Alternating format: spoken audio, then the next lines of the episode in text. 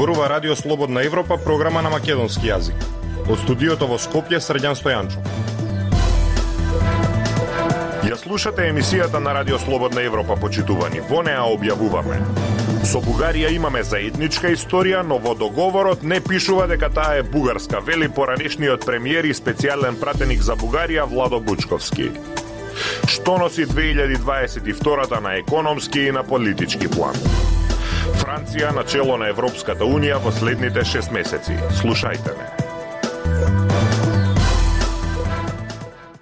Договорот за пријателство го има поимот заедничка историја, но не и тоа дека таа е бугарска како што тврдат дел од бугарските политичари, вели во разговор за Радио Слободна Европа специјалниот представник на македонската влада за Бугарија Владо Бучковски. Тој вели дека изјавите на новиот бугарски премиер Кирил Петков за проширување на преговорите се охрабрувачки, но сепак би почекал до првата официјална средба на премиерите на двете држави. Со Бучковски разговара Фросина Димеска. Професоре, како македонски преговарач со Бугарија. Откако ги слушнавте позициите на новата влада во Софија, дека ќе се прошират преговорите на други теми, но дека одстапка од нивните црвени линии нема, оптимист се за решавање на спорот? Јас по поглед на последните изјави од новиот бугарски премиер Петков делуваат охрабрувачки, но би почекал до првата официјална средба на нашиот нов премиер Ковачевски и премиерот Петков. Најавена е таа посета по промовирањето на нашата нова влада.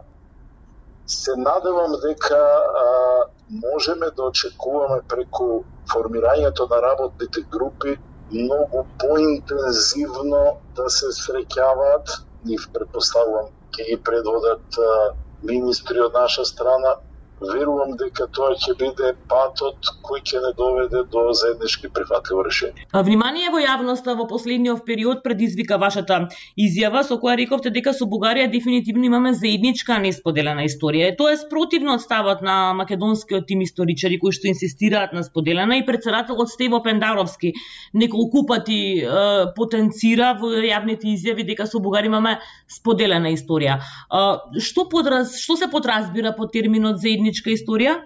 Мислам дека доследното почитување на договорот за пријателство и соработка е патот кој ќе не доведе до заедничко прифатливо решение. Значи во договорот се употребува терминот заедничка историја, не го измислувам јас. Комисијата која е формирана заедничката експертска комисија треба токму таа заедничка историја преку потенцирањето на личности настани кои не поврзуваат да го градат патот кон заедничката иднина. На, дилемата се наметна од како многу бугарски политичари тврда да, имаме заедничка историја и таа е бугарска. Тоа не стои во договор. Значи, мислам дека ако, ако ја правиме анализата што подразбира бугарската страна и што подразбираме ние под заедничка историја, мислам дека тоа е и каменот на сопнување овие изминати 12 месеци јас сушто се соочи во бројните контакти, формални и неформални, дека реално еден од проблемите по подпишувањето на договорот на 1 август 2017 година е што почна различно од бугарски од македонска страна да се толкува терминот заедничка историја и второ мислам дека нереални бе очекувањето од бугарска страна дека брзо, ефикасно ќе заврши својата работа оваа заедничка експертска комисија. Независни вести и анализи за иднината на Македонија на Радио Слободна Европа и слободнаевропа.мк.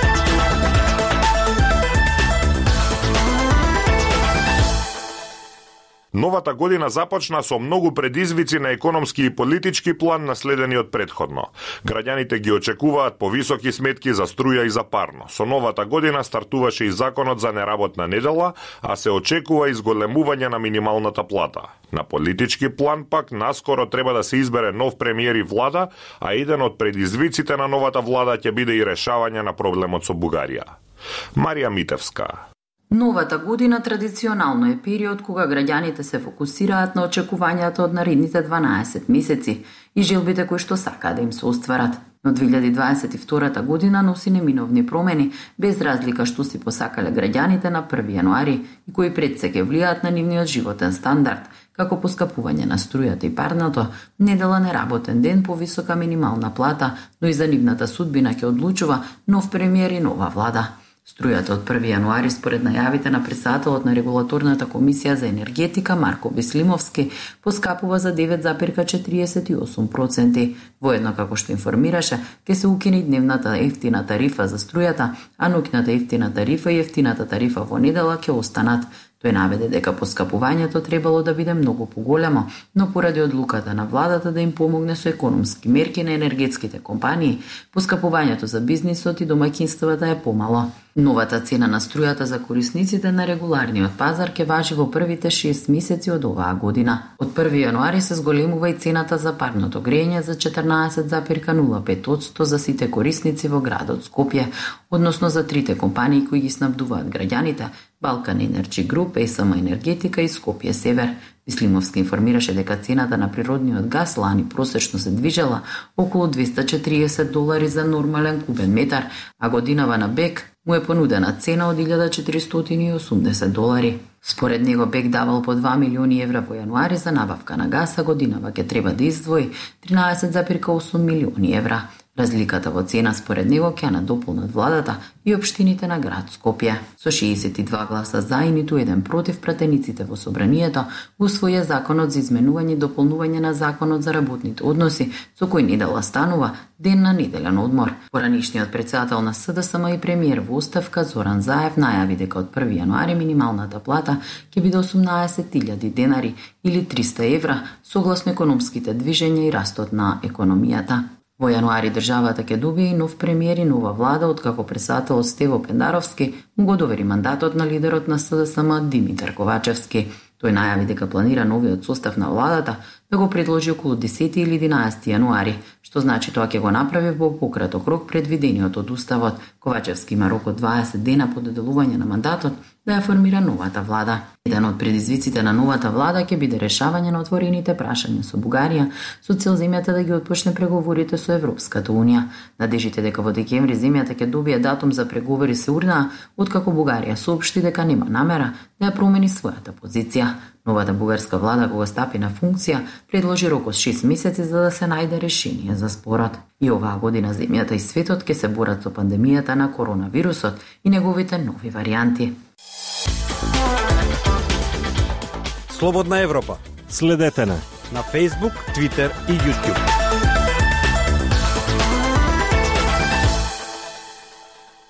Најкоментираните теми на Facebook страницата на Радио Слободна Европа се текстовите за недела неработен ден, заминувањето на Зоран Заев, како и изјавата на новиот бугарски премиер Кирил Петков дека Бугарија не треба да биде периферија на Европската Унија.